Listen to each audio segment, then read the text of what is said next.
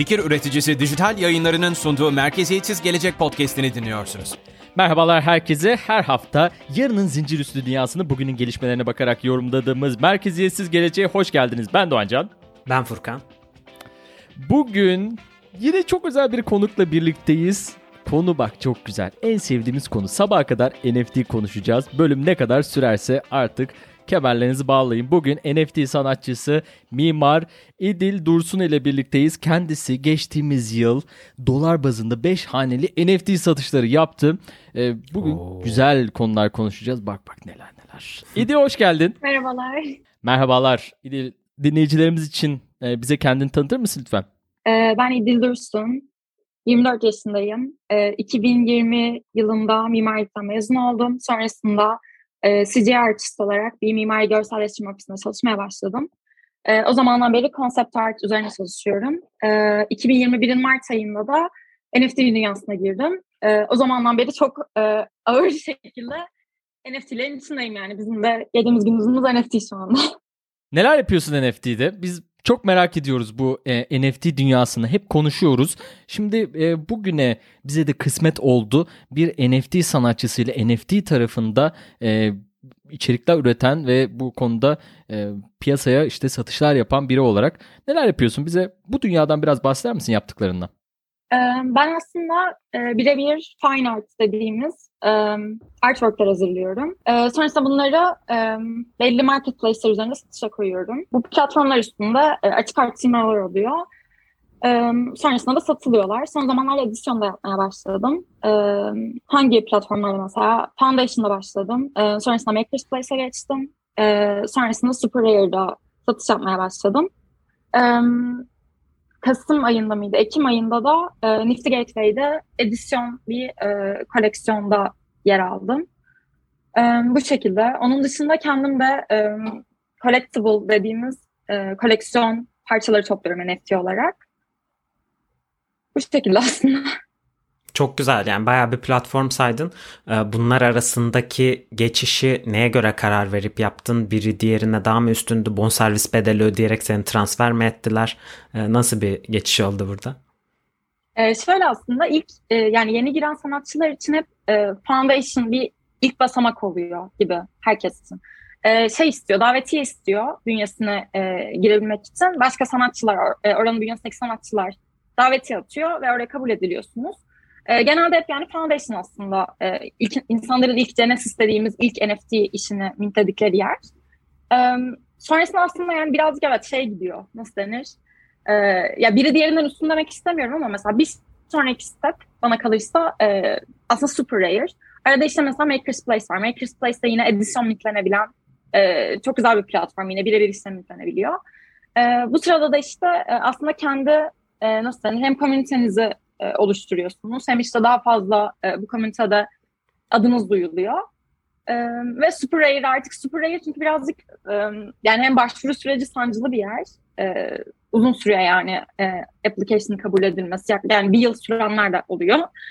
E, oraya kabul edildikten sonra da aynen e, orası en artık curated dediğimiz çok seçilerek e, insan alınan platform olduğu için e, yani en iyi platform olarak görülüyor aslında şu anda. E, bana kalırsa. Ya benim için öyle en azından. O yüzden şu anda orada devam ediyorum. E, ama yani Foundation'da da bir ara e, ara sıra tekrar belki nitlemeler yaparım diye düşünüyorum isimlerin de haklarını veriyorlar. Foundation işte temel e, oradan başlıyor. Temelden başlıyorsun. Ondan sonra da en nadir yere Super Rare e, tarafına en nadir diye de hemen çevirdim. Bunlar da güzel platformlar. Altlara böyle e, giriyoruz. E, Valla Furkan ne, nereden başlayalım? NFT konusunda bugünkü e, konumuzda en çok merak ettiğin senin ne? Ben burada yani hazır bir NFT sanatçısını almışken NFT işine girmek isteyen, bu dünyanın bir parçası olmak isteyen tasarımcılara bir ilham olması açısından yol göstermek istiyorum olabildiğince. O yüzden mesela şey sormak istiyorum. Bütün bu platformlara girdiğimizde e, dropları var. Belli her gün e, belli eserleri öne çıkartıyorlar ve onlar da listeliyorlar. Hani bizim kendi OpenSea'de bir hesap açıp eserimizi mintlememiz ve kendi tanıtımını yaparak satmamız başka. Bu droplara girmemiz farklı bir şey. Bunu nasıl başarıyorsun? Onlarla iletişime mi geçiyorsun? Bakın böyle bir çok güzel bir eserim var diye. E, yoksa farklı bir metodum var. Biraz yol gösterelim yeni artistlere. Ya aslında bu yeni başlayanlar için sorulacak soru bu mu emin değilim. Çünkü e, aslında başlangıçta kendi dediğim gibi kendi komünitenizi oluşturmanız gerekiyor. Ben hep ya şeye çok inanıyorum. Ben gerçekten aslında işin e, key point'i dediğimiz yani e, en önemli kısmı bence insanlarla iletişim. Ne kadar çok e, burada network'ünüz olursa, ne kadar çok insan tanışırsanız ve doğru insanlarla tanışırsanız aslında önünüz çok açılıyor. Eğer tabii ki bunun temelinde de e, destekleyen güzel bir işiniz, bir koleksiyonunuz varsa. E, ben açıkçası daha öncesinde e, featured dediğimiz işte bu e, platformlarda öne çıkma işinde e, hiçbir platforma ben ulaşmadım. E, zaten eğer siz yeteri kadar e, başarı gösterdiyseniz yani bir şekilde öne çıkabiliyorsanız komünitede bu yani nerede nerede işinizi mintlediğiniz önemli değil. Yani, e, Foundation'da da yapabilirsiniz, OpenSea'da da yapabilirsiniz. Bir diğer platform ya da bir diğer e, küratör, işte koleksiyon sahibi size gelip diyor ki biz beraber bir iş yapalım. İşte senin işin önüne çıkaralım. Onlar aslında sizi zaten istiyorlar e, işinizin ana ekranda olmasını, main page'de olmasını. Bu şekilde ilerliyor aslında. Süper. En azından biraz yol gösterdik. Peki e, yaptığın eserleri platforma özel mi yapıyorsun yoksa bir eseri yaptıktan sonra farklı platformlarda da e, böyle satışa veya sergiye e, çıkartabiliyor musun? E, bunun önünde e, bildiğim kadarıyla bir engel yok ama e, hani bu her platformda yani bir kere yapıp bu eseri bir kere ortaya çıkartıp her platformda e, mi satışa çıkartıyorsun veya bunların platformların özelinde e, komüniteler değişiyor mu? Hani onlara da biraz girelim mi? Tamam şey anlayamadım. Mesela aynı eseri farklı platformlarda aynı anda mintlemekten bahsediyorsunuz. Hı-hı. Yok hayır bu evet. yasak. Yani yasak yasak dedim hani dediğiniz gibi aslında önünde bir engel yok ama e, sonuç yani nasıl denir etik değil diyebilirim. e, en azından yani sanırım aynı blockchain içinde hani kesinlikle olmaması gereken bir şey zaten. E, çünkü zaten insanlar mesela ben birebir bir iş koyduysam o insan onu satın aldığında onu birebir olarak alıyor. Hani başka bir insan onu gidip hem Foundation'dan birisi alır hem Spraye'den birisi alırsa aslında yani hiç mantığına uymuyor olayın. O yüzden aslında bu yapılan bir şey değil. Ee, şöyle ki şu şekilde de bir şey söyleyebilirim aslında. Ee, ben işte dediğim gibi Foundation'a girip Make Peace Place'e devam ettim. Sonrasında Spraye'e geçtim. Ee, aslında bu platformlarda aynı anda e, mintleme yapmak da kötü e, bence sanatçılar için. Çünkü e, mesela benim Foundation'daki işlerim işte 1 Ether'e satılıyorsa Super Rare'de daha yüksek fiyatlara satılıyordu. E, satılıyor. O yüzden insanlar gidip Super Rare'de daha yüksek fiyatla e, alınca yani Foundation'da daha ucuza bulabilecekken neden orada alsınlar? O yüzden aslında tek bir platformda e, iş mintlemek sanatçılar için e, daha iyi bir yol diye düşünüyorum. Ya da mesela farklı tarzlarda farklı platformlar tercih edilebilir. Yani benim şu an yaptığım işleri ben hem gidip Super Rare'de hem gidip Marketplace'e hem gidip Foundation'a mintlersem e, hani bir anlamı olmaz. Hem çok bölünmüş olur e, koleksiyon. Bir tık daha orada e, nasıl denir? Stabil kalmanın faydası olduğunu düşünüyorum. Yani bir bir yerden başlayıp ondan sonra e, hep tek tek bir yerde e, kalmak. E, bir ya, durduğun zaman da tek bir yerde kalmakta e, fayda oluyor. Bu nadirlik, bu e, ürünlerin veya işte e, sanatın değerinde bunlar ortaya çıkartıyor e, diyebiliriz. Yani tabii tekil olması lazım. Tekil olunca e, ee, daha fazla. Bu tabii şeyle de alakalı mesela. Birebir iş mi mintlemek istiyorsunuz yoksa edisyon mu yapmak istiyorsunuz? Mesela Super Rare'de edisyon yapamazsınız. Ee, bu durumda gidebileceğiniz başka platformlar var. Mesela Makerspace'de edisyon yapabilirsiniz. Nifty Gateway'de edisyon yapabilirsiniz. Ee, bu konuda önünüzde hani bir şey yok ama mesela birebir işlerinizi bütün platformlara yaymak iyi bir fikir değil. Çünkü e, insanlar sizin işinizi almak istediğinde bu şeylerin hepsine tek tek bakmak zorunda kalmasınlar. Bassınlar mesela Super profilinize. Bütün profilinizi oradan görsünler. Oradan satın alsınlar. Ama isterlerse tabii yani öncesine bakmak isterlerse de hani tekrar Foundation, Makerspace onlara gidebilirler yani. Ama işinizin satışta oldu bence tek platform olması bana en azından mantıklı geliyor. Peki biz burada yani her e, kez NFT ile uğraşmıyor ve herkes ne kadar dahil dinleyicilerimizden bilmiyoruz. O yüzden söylediğin kavramları biraz daha açmak istiyoruz. Edisyon listelemek ve birebir e, çalışma sunmak konusundaki farkı dinleyicilerimize biraz açıklar mısın bu dünyaya yabancı olanlar için? Tabii. E, birebir işlediğimiz bir artwork'ün e, sadece bir tane olması aslında. Onun sahibi de e, onu e, kolekleyen, collector aslında onu bir kere alıyor ve e, orada sonlanıyor. Sonrasında onu ikinci elde tekrar satabilir ama bir tane. Edisyon dediğimiz şey de e, aynı artwork'ün, aynı e, sanat eserinin mesela 25 tane olması demek. Yani onu siz 25 kişiye e, satabiliyorsunuz. Yine e, hepsinin yani onun hakkında nasıl denir? E, yani sahibiyeti oluyor aslında. E, bu şekilde tabii ona göre fiyatları da değişiyor. Yani birebir işler tabii ki de daha pahalı oluyor. Edisyon olduğunda o işte 25 edisyon olabilir, 30 edisyon olabilir. Bazen 100, bazen 1000 de olabiliyor. E, ona göre fiyatı tabii ki düşüyor edisyon işlerin. Peki platformlar arasında bu edisyonla listelemek ve birebir mintlemek arasındaki farkın olduğunu söyledin. Aslında Doğancan'ın önceki sorduğu soruda e, biraz şimdi soracağım şey de vardı sinyalini aldım onun. Hani bunlar farklı evet platformlar arasında ama platformların farklı üslupları da var, farklı tarzları da var. Buna göre eserinde bir değişiklik yapıyor musun? Bu Super Rare'a daha uygundur veya bu Maker's Place'a daha uygundur diye hani o listeyi orada hani o eseri orada listeleyeyim, bu eseri burada listeleyeyim gibi bir üslup farkı oluyor mu eserin kendisinde? Şöyle bende olmuyor. Çünkü ben e, yani tek üslup üzerinden gidiyorum diyeyim. O yüzden de şu anda Super Rare'de olduğum için birebir işlemin hepsine e, bir değişiklik olmadığı sürece Super Rare limitlemeye devam edeceğim. Ama diyelim ki ben işte hem 3D e, artla ilgileniyorum hem e, iki boyutlu artla ilgileniyorum. İllüstrasyon yapıyorum. Bu durumda ben şöyle yapardım mesela. Derdim ki ben Super Rare'de sadece üç boyutlu işlerimi e, mintleyeceğim. Foundation'da iki boyutlu işlerimi mintlemek için kullanacağım. Bunun bir örneği mesela e, Mari diye, Mad America diye bir sanatçı var. E, yaptığı işlerin, voxel işleri e, yani siyah beyaz olanlarını Foundation'da mintliyor. Diğerlerini e, renkli olanları ve işte ne bileyim belki de daha fazla detay ekliyor. Onları Super Rare'de mintliyor. Yani böyle bir ayrım tabii ki de yapılabilir. E, ben şu anda yapmıyorum zaten tek platform üzerinden tek üslupla gittiğim için ama ilerleyen zamanlarda belki de yaparım. Tam olarak aradığım cevap buydu. Teşekkür ederim. Böyle bir şeydi yani. Söylediğim Marie galiba ben de takip ediyorum. Şey bu Meta Architect değil mi? Tamam ben de takip çok çok güzel.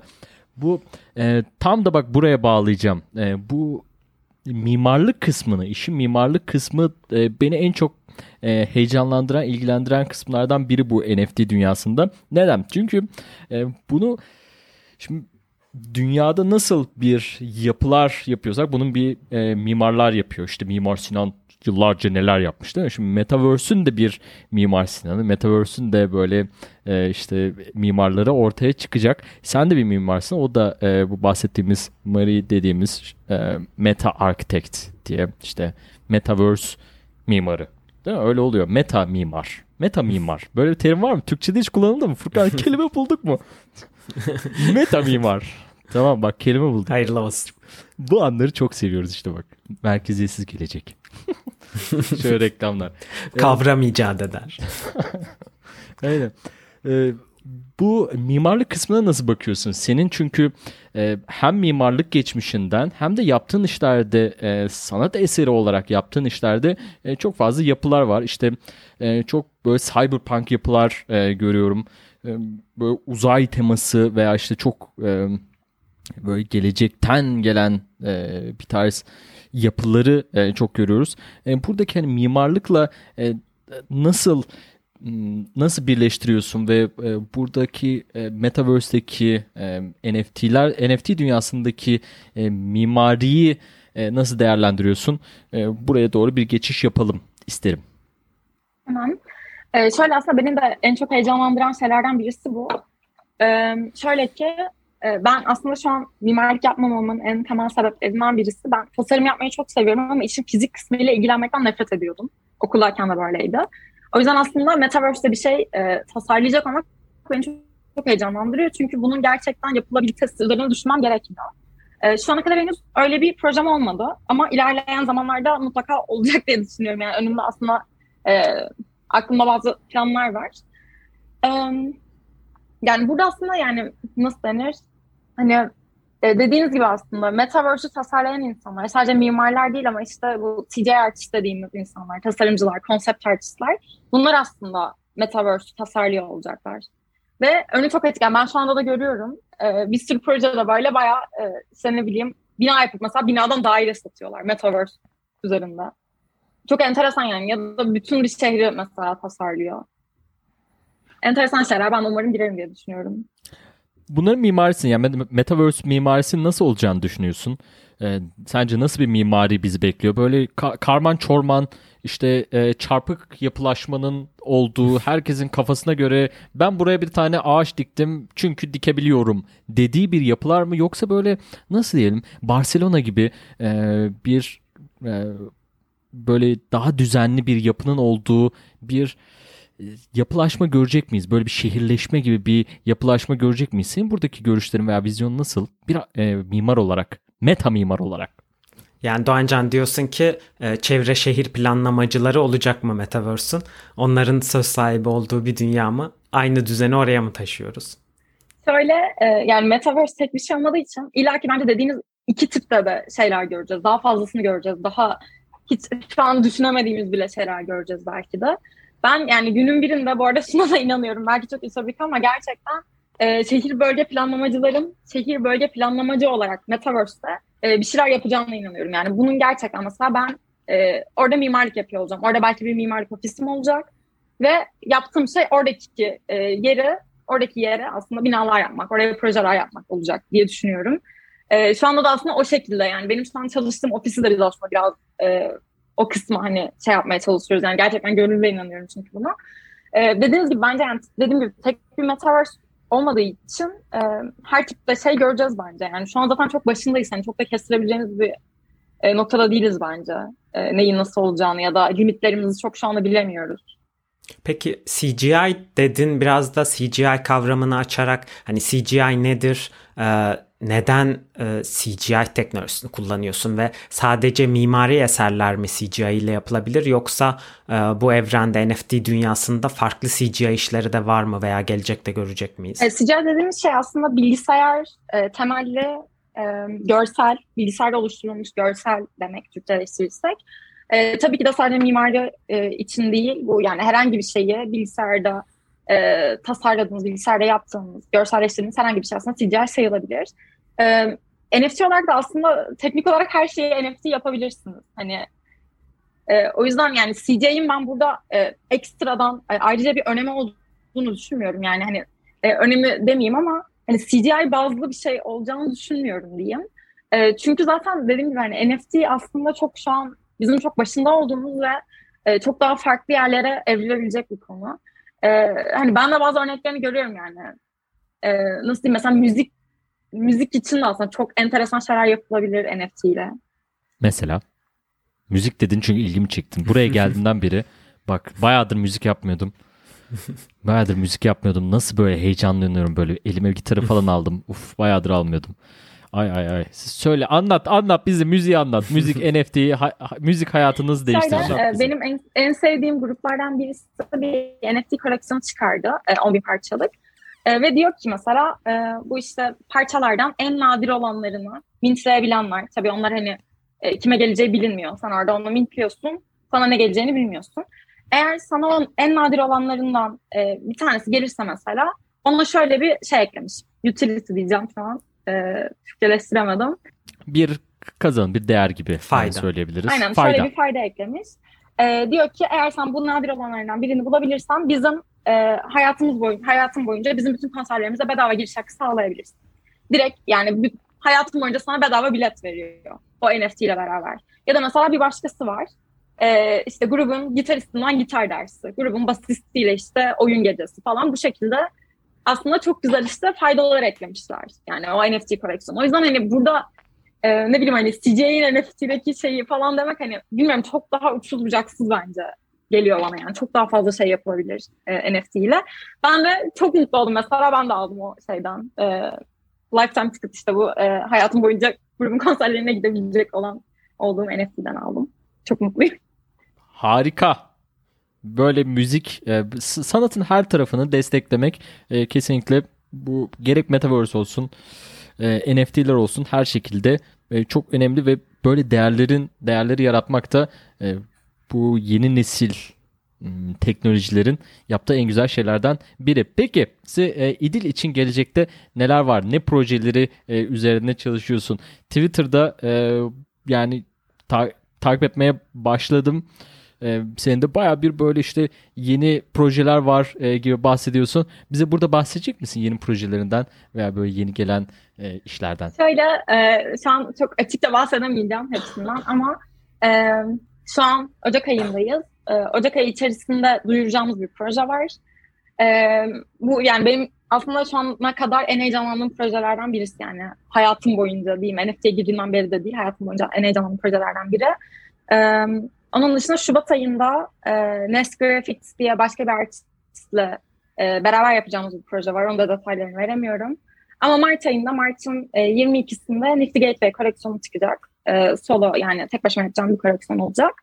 E, şimdilik bunlar var. Ondan sonra da e, birazcık hani kendim yani uzun zamandır mesela Super Rare iş yapamıyorum bu projelerden dolayı. Çünkü çok güzel aslında e, fırsatlar çıkıyor. E, sonrasında da kendim yaptığım şeye devam edip Super Rare'a birebir iş koymaya devam etmek istiyorum bir süre. Veremediği çok bilgi oldu ama Doğancan en kötü ihtimalle ilk sinyallerini merkeziyetsiz gelecekte verdi diye başlık atarız artık. Efendim sanatçılar değişmiyor gördüğünüz gibi her yerde dünya değişiyor.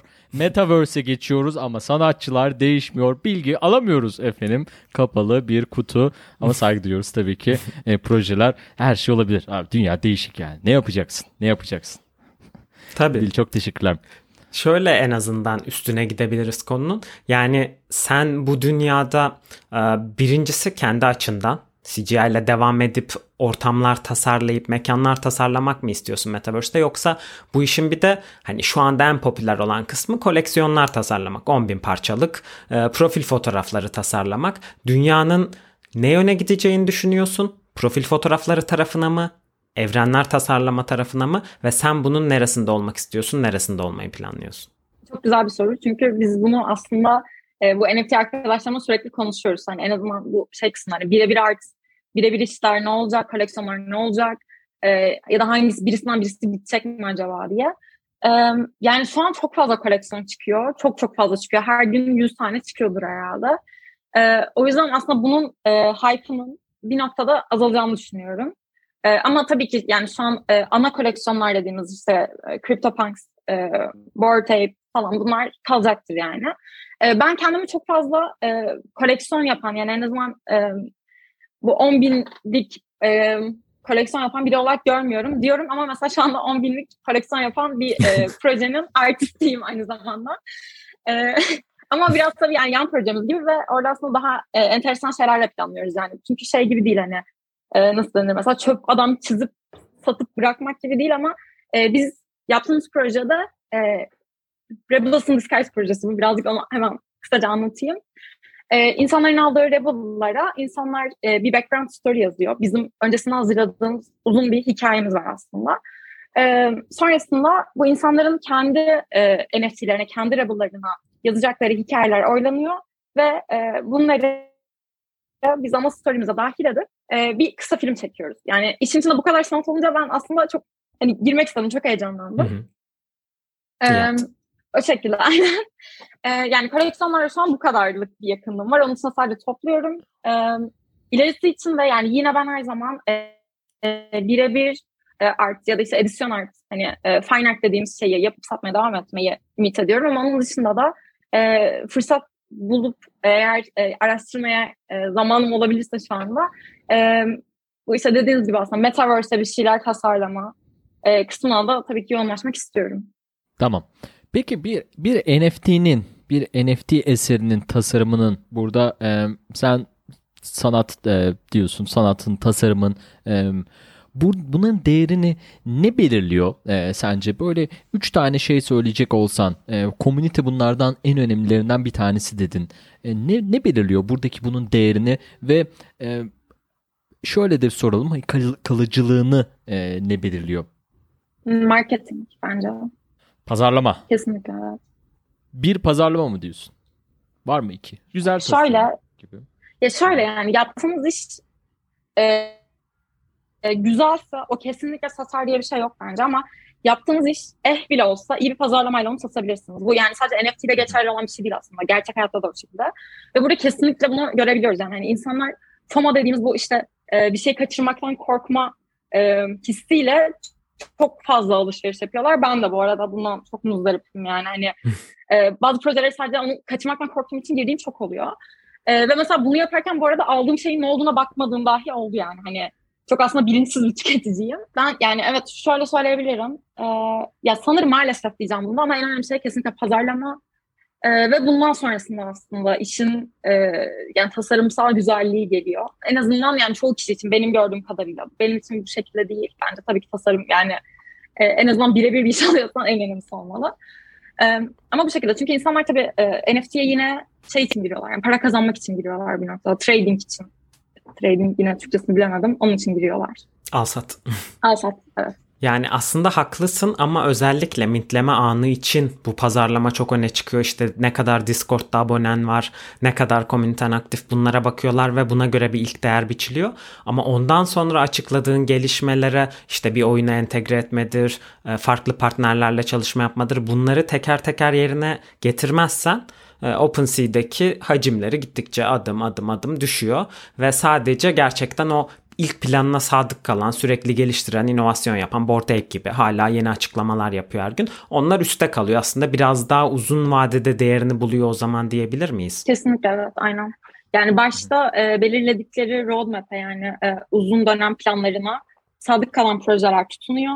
E, ve hani bu bittikten sonra yani sürekli eklemeye devam edip sürekli aslında komüniteyle e, iç içe olan projeler bana kalırsa tutunuyorlar. Ama tabii yani şu anda bunları yapsa bile tutunamayacak projeler olabilir. Çünkü dediğim gibi çok fazla proje çıkıyor yani. E, ve çıta gittikçe yükseliyor aslında. E, bilmiyorum yani nasıl olacak ben de tam olarak bilemiyorum. Peki bunların çoğunun roadmap'inde aslında oyunlar var. Yani bir oyuna entegre etmek, bir oyunda bunları karakter yapmak.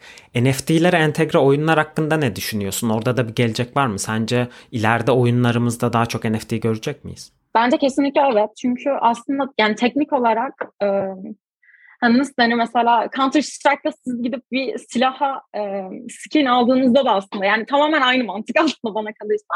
Bence hani şu anda e, hazırda olan oyunlarda da biz e, NFT'yi göreceğiz ilerleyen zamanlarda. Ama şu an sadece blockchain için e, yapılan oyunlar da var. Sanırım ondan fazla bahsediyorsun. Benim bu konu hakkında çok bir bilgim yok. E, ama e, buna yani e, nasıl denir? İnanılmaz bir kitlesi var aslında. Yani bu şekilde çıkan çok fazla oyun var. Çünkü e, play to earn dediğimiz e, kazanmak için oyna sistemi e, aslında e, hepsinin yani çoğunda mevcut. Yani siz aslında oyun oynadıkça para kazanıyorsunuz. O yüzden hani e, nasıl denir yani bence çok geleceği olan bir şey diye düşünüyorum. Peki NFT e, NFT balonu var mı? NFT'ler bir balon balon oluştu mu? Her şeyde bir balon zaten var ama böyle senin de görüşünü e, merak ediyorum bu alanda. E, ürünler üreten ee, ben de yani oluştu yani özellikle geçtiğimiz sene e, bu işte Beeple'ın o yüksek fiyatlı satışından sonra bir ara yani inanılmaz gerçekten inanılmaz bir balondu yani. E, ama yani şöyle söylemek istemiyorum ben NFT'lerin biteceğini asla düşünmüyorum dediğim gibi. E, sadece bence birazcık daha e, oturaklı hale gelecek. Yani neyin ne olduğunu şu anda hala anlayamadığımız bir noktadayız. E, bir şeylere fiyat biçmeyi ya da e, her, yani bir şeylerin nasıl yürüdüğünü bence ilerleyen zamanlarda daha iyi anlayacağız. Hani geçtiğimiz yıl e, çok herkes çok aslında e, kör bir şekilde e, NFT alıp satıyordu. NFT mint diyordu. Ama kimsenin aslında ne yaptığından çok bir fikri yoktu. Ben dahil olmak üzere. Ben NFT'ye girdiğimde gerçekten ne yaptığımı bilmiyordum yani. E, ama ilerleyen zamanlarda ya ben dediğim gibi bunun asla biteceğini düşünmüyorum. E, sadece birazcık daha oturaklı hale gelip e, hayatımıza yerini bulacak bence. Doğancan burada çok güzel bir spekülasyon yoluna soktu bizi hani balon mu diyerek NFT. Ee, ben Biraz daha bunu deşmek istiyorum. Spekülasyonlara devam edelim. Sence bu metaverse kavramı biraz abartılmıyor muydu? Yani eskiden arttırılmış gerçeklik vardı, sanal gerçeklik vardı. Şimdi adını metaverse yapınca bütün dünya bir anda konuşmaya başladı. Sence ne değişti? Bu hani kripto paraların Web 3.0 diye adlandırılıp büyük bir pazarlama mucizesi yaratması, burada da sanal ve artırılmış gerçeklikleri metaverse diye adlandırılınca bir de biraz da NFT entegre edince çok büyük bir dünya mı yaratıldı? Ne değişti? Niye görüyorsun bu hype'ın bu kadar arttığını? Ee, şöyle ki ben de anlamıyorum. Ee, çünkü ben hayatımın yarısını World of Warcraft oynayarak geçirdim ve ya orası gerçekten zaten metaverse yani hani ondan daha hani metaverse zaten ya da bizim şu anda aslında kullandığımız Instagram profillerimiz, Twitter profillerimiz bunların hepsi zaten birer metaverse yani aslında hayatımıza şu anda girmiş çok yeni bir kavram değil. Sadece ismi Metaverse olduğu için böyle bir hype oluştu bir şekilde sanırım. Ben de anlamıyorum. Yoksa hani şu an gidip mesela işte ne bileyim Sandbox'ta, Decentraland'da Minecraft tarzı e, grafiklerle dolaşmanın benim için hiçbir anlamı yok. Beni hiç heyecanlandırmayan bir şey. E, yani tam olarak hani nasıl bir yere yani nasıl bir şeye gider ben de bilemiyorum açıkçası. Hani günün birinde sanırım şeydeki gibi işte Ready Player One diye bir oyun şey, e, film vardı bilmiyorum izlediniz mi?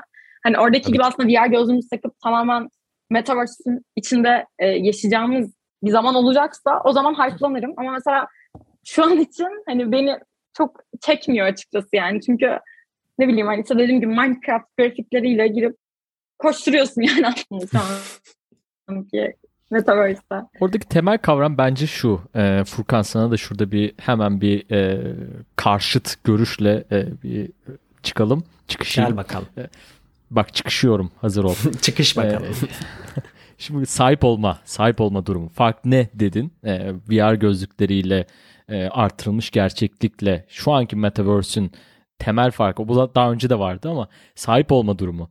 Artık bir, benim e, World of Warcraft'ta da e, mesela işte birçok şeye sahip olabiliyorduk. Ben de e, Night Online oynuyordum. Pazar yerimiz vardı. Satıyorduk bir sürü şey. Böyle işte e, bir tane bir tane işte kask çıkıyordu. Kas, kask satıyordum mesela.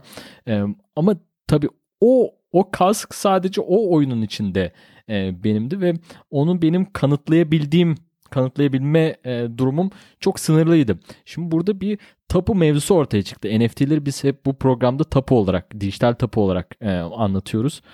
E, bu sahip olma güdüsü bir toprağım olsun, buraya ben yerleşeyim, işte ailemi kurayım, bir e, sahip olma e, durumunun olması bu metaverse'ü e, şu anki olan teknolojiden aslında ayıran bir e, durum oluyor. Ve bunun gittiği tabii oraya hemen gel, gel gelmedik. E, hani bir işte metaverse çıktı. işte Facebook çıkarttı. 3 ayda hemen Metaverse'ü beklemek e, çok doğru olmayabilir. Farkları çıkacak. E, bunların arasında işte World of Warcraft'ta yaptık. Hayatımızı geçirdik işte. 20 yılımı geçirdim. Ama oyundan çıktıktan sonra hani başka bir yere gidemiyorum. Şimdi bunların arasındaki geçişlerde World of Warcraft'taki karakterimle mesela ben gidip işte Decentraland'da kahve içsem Şimdi e, bambaşka şeyler konuşuyor. Orada kasinoya girsek mesela e, o karakterle e, bu sefer bambaşka bir şey olur. Yani bu e, diğer dünyalardaki karakterlerimizi farklı dünyalara e, yerleştirebilmek bu insanları bence heyecanlandırıyor. E, ya da ben sadece böyle düşünüyorum dünyada. bu da olabilir. ya haklısın. Ee, ben de aynısını düşünüyorum. Hani zaten yani işte tek aslında tek nüansı bu değil mi ya? Hani e, bir yani Metaverse'de sizin itemlarınız gerçekten sizin yani. Sizin sahip olduğunuz her şey siz işte Sandbox'ta da olsanız, Decentraland'da da olsanız, başka e, Metaverse'lerde de olsanız sizin yani. Ben aradaki tek nüansı bu olarak görüyorum en azından şu an için. Ama dediğim gibi bu şu an beni heyecanlandırmaya yetmiyor. Hani e, ilerleyen zamanlarda işte bunun daha e, elle tutulur bir şeyini gördüğüm zaman belki de e, da, daha fazla heyecanlanacağım yani diyeyim. Meta mimarlar çözecek bu işi. Meta mimarlara güveniyoruz. Aslında bizim bu hani e, blok zinciri dünyası olarak gerçekten gördüğümüz değer bu ve bunu destekliyoruz. Ama Edil madem sen aynı zamanda oyun dünyasından da geliyorsun. Warcraft oynamışsın. Oyun dünyası peki bu işi niye sevmedi? Niye satın aldıkları şeyler onlarla kalsın istemiyorlar? Baya Discord'da falan eylem yapıyorlar, sert çıkıyorlar. Bu oyuncuları nasıl ya Ben o konuya çok hakim değilim bilmiyorum. Discord olayını duydum sadece. Onların e, çılgınlar gibi saçmalamayın işte olur böyle şey falan dediklerini. Ya bilmiyorum NFT'ye karşı bu arada çok e, yani karşısında duran bir e, e, ekip var diye. e, bu şeyde de çok e, var. Mesela e, geleneksel sanatçı dediğimiz yani işte geleneksel sanatçı demiyorum mesela NFT ile uğraşmayan öncesinde ama böyle belli bir kitlesi olan sanatçılar çok tepki çekti e, NFT'ye girdikten sonra. Yani hala ben bakıyorum mesela e, NFT olarak işte yeni e, mintledikleri işlerin aslında işte NFT ise çevreye zarar veriyor. NFT şöyle, NFT böyle işte niye giriyorsunuz falan diye inanılmaz e, linçliyorlar aslında. Yani bu insanların çok araştırmadan ya da ne bileyim kendileri girmeye belki de cesaret edemedikleri için e, bu olayın karşısında durmayı daha kolay bulduklarını düşünüyorum yani. E, çünkü aslında baktığımız zaman birazcık göz korkutucu gerçekten. Hani hiç bilmediğiniz bir şey. İşte ne bileyim kripto bilmiyorsanız E, blockchain bilmiyorsanız ki bu arada ben de bilmiyordum. Ben başladığımda ben Ethereum'u ilk defa geçen sene Şubat ayında duydum öyle söyleyeyim. Wow. Hiçbir fikrim yoktu. Ee, hani başta gerçekten göz korkutucu ve işte bilinmeyen şey korkutunca insanlar aslında bunun e, bu kadar hayatlarının içine girmesini istemiyorlar diye düşünüyorum. Hiç merak etme eğiteceğiz insanları bu programda. Misyonlarımızdan biri de bu. Hani neyin doğru neyin yanlış olduğunu biraz daha tarafsız görebilmelerini sağlayacağız. O yüzden mesela işte Ethereum'un 2.0'a geçişini işte Proof of Work algoritmasından Proof of Stake'e geçişini böylece elektrik tüketiminin azaltını falan bunları farklı farklı programlarda işleyerek hani doğaya daha az zarar vermeye çalışan daha yeşil bir e, zincir politikasına gittiğini de insanlara anlatmaya çalışıyoruz aslında ki bu tepkileri birer birer ortadan kaldıralım. Tabii her her teknolojik her teknolojik devrimde e, var böyle hani e, erken dönem e, bunu kabul edenler daha on, onlardan işte çok erken dönemde kabul edenler işte Furkan gibi ondan sonra hemen ardından gelen bir sonra kabul edenler geliyor. Sonra arada bir kavga dövüş var. Orada Godzilla savaşı var. Orada kavga dövüş var. Ondan sonra toplu daha herkesin işin içine girdiği, herkesin artık kabul ettiği, e, nasıl kullanıldığına bakmadan herkesin kullandığı, işte herkesin cebinde telefon olduğu bir duruma geliyor. E, oraya doğru da e, gideceğiz. Tabii ki şu an Web 2'cilerle işte Web 3'lerin arasında savaşlar var. bir sürü böyle farklı farklı kavga dövüş olacak ama gelen teknolojiyi engelleyebiliyor musunuz Furkan? Önüne geçemezsiniz. Geçemezsiniz. geçemezsiniz. Peki İdil teşekkürler. Kimleri takip edelim? Kim sen kimleri takip ediyorsun Twitter'dan? Genelde Twitter'da e, dönüyor bu mevzu. Biliyorsunuz sevgili dostlar. E, NFT'ler hakkında sanatçılar veya NFT hakkında daha çok öğrenelim. Şuradan e, akalım e, diyeceğin, e, şunları kesin takip edin ya takip etmeden geçmeyin diyeceğin insanlar var mı? E, var. E, bazı Twitter hesapları var benim takip ettiğim. Genelde işte bu hem e, güncel olayları NFT hakkında e, onları paylaşıyorlar. E, birkaç tanesini söyleyeyim. Oraya isterseniz ya da bir yere bunları yazın çünkü e, İngilizce ve nickname olan hesaplar. e, bir The Great Mondo e, diye bir hesap var. E, bu mesela şey yapıyor. E, haftalık NFT analizi yapıyor işte. NFT'de o hafta ne oldu işte. Birebir satışlar nasıl gidiyor? Collectible'larda neler oluyor? En çok satış yapan collectible'lar gibi bir hesap. E, çok bence faydalı oluyor. Onun dışında Bean var. Ee, yine piyasaya yön veren aslında influencer dediğimiz e, insanlardan birisi. E, Prankster var. Çok büyük bir collector. E, onun da bence hesabı çok güzel. E, ve Dizify var. Bence bunları takip edebilirsiniz. Ben yine e, şey olarak da yazarım isimlerini. Süper tamam. Linkleri de aşağı bırakırız o zaman. Peki dinleyicilerimiz seni nereden, İdil Dursun'u nerede e, bulabilirler? Seni nereden bulabiliriz? Metaverse'de falan diyeyim. e, e, beni Twitter'da ve Instagram'da Jarvin Art, e, et Jarvin Art olarak bulabilirsiniz. E, aynen. Evet burada bir de alt benliği var İdil'in Jarvin Art diye. O, nereden geliyor ismi Jarvin Art İdil? Ya çok saçma bir hikaye. Şöyle oldu. Ben e, geçen sene Ocak ayında kendime sanatçı Instagram hesabı açacaktım. Ama tabii o zaman hiç yani işlerim bu yöne gidecek mi hiç fikrim yok. Şey diye düşünüyorum işte hani He, arkadaşlar gelir işte sanat sepet paylaşırım takılırız falan diye düşünüyordum. ee, benim oyunlardaki nickname'im de Jarvin. Jarvine olarak yazılıyordu. Sonra ben bu hesabı kurarken işte aklıma hiçbir şey gelmedi. E, Jarvin Art olsun yazıp geçtim. Ee, sonra bu kaldı. Böyle işlere gidince öyle devam ediyoruz şu an bilmiyorum. Bak olaylar nereye geldi. World of Warcraft karakterin neydi? E, Druid oynuyordum orada en son. Nasıl, yani nasıl bilmiyorum karakter? bir sürü şey oynadım aslında da en son ya. Druid oynuyordum böyle işte şekil değiştiriyor, kedi oluyor falan. aynen, tamam. aynen. tamam. Peki e, son olarak şunu soralım. Beğendin mi konu, konuk olduğum programın merkezisi gelecekte? E, bu ikinci konuğumuzsun bu arada. İyi, iyi ağırladık mı seni? Memnun musun? O görüşlerini de alalım. Biz de kendimiz e, bir geri, geri bildirim alalım böyle. Evet çok alalım. teşekkür ederim. Çok teşekkür ederim. çok keyifliydi benim için. Çok teşekkür ederim beni ağırladığınız için. teşekkür ederim. Neyse İdil belli ki zaten ünlü olacak bu dünyada baya. Hani biz yerimizi hazırladık ama ünlü olunca da bizi unutma bir programa daha gelirsin artık. İstediğiniz zaman. Efendim Merkeziyesi geleceği dinlediğiniz için çok teşekkürler. Her hafta burada e, gerek konuklarla gerek e, keyifli konularla geleceğin teknolojisini, e, bugün olan gelişmeleri paylaşıyoruz. Bizi dinlemeye, izlemeye devam edin. Her hafta burada görüşmek üzere. Hoşçakalın, sevgiyle kalın. Kendinize iyi bakın. Yorumlarda buluşalım. Bu programı değerlendirin ve hep bizimle olun programlarda. Kendinize iyi bakın. Hoşçakalın. Fikir üreticisi Dijital Yayınları'nın sunduğu Merkeziyetsiz Gelecek podcast'ini dinlediniz. Bu bölümü beğendiyseniz lütfen Apple Podcast'te yorum yazıp podcast'i değerlendirin. Çünkü bu podcast'i her gün daha iyiye götürebilmek için değerli fikirlerinize ihtiyacımız var. Teşekkürler.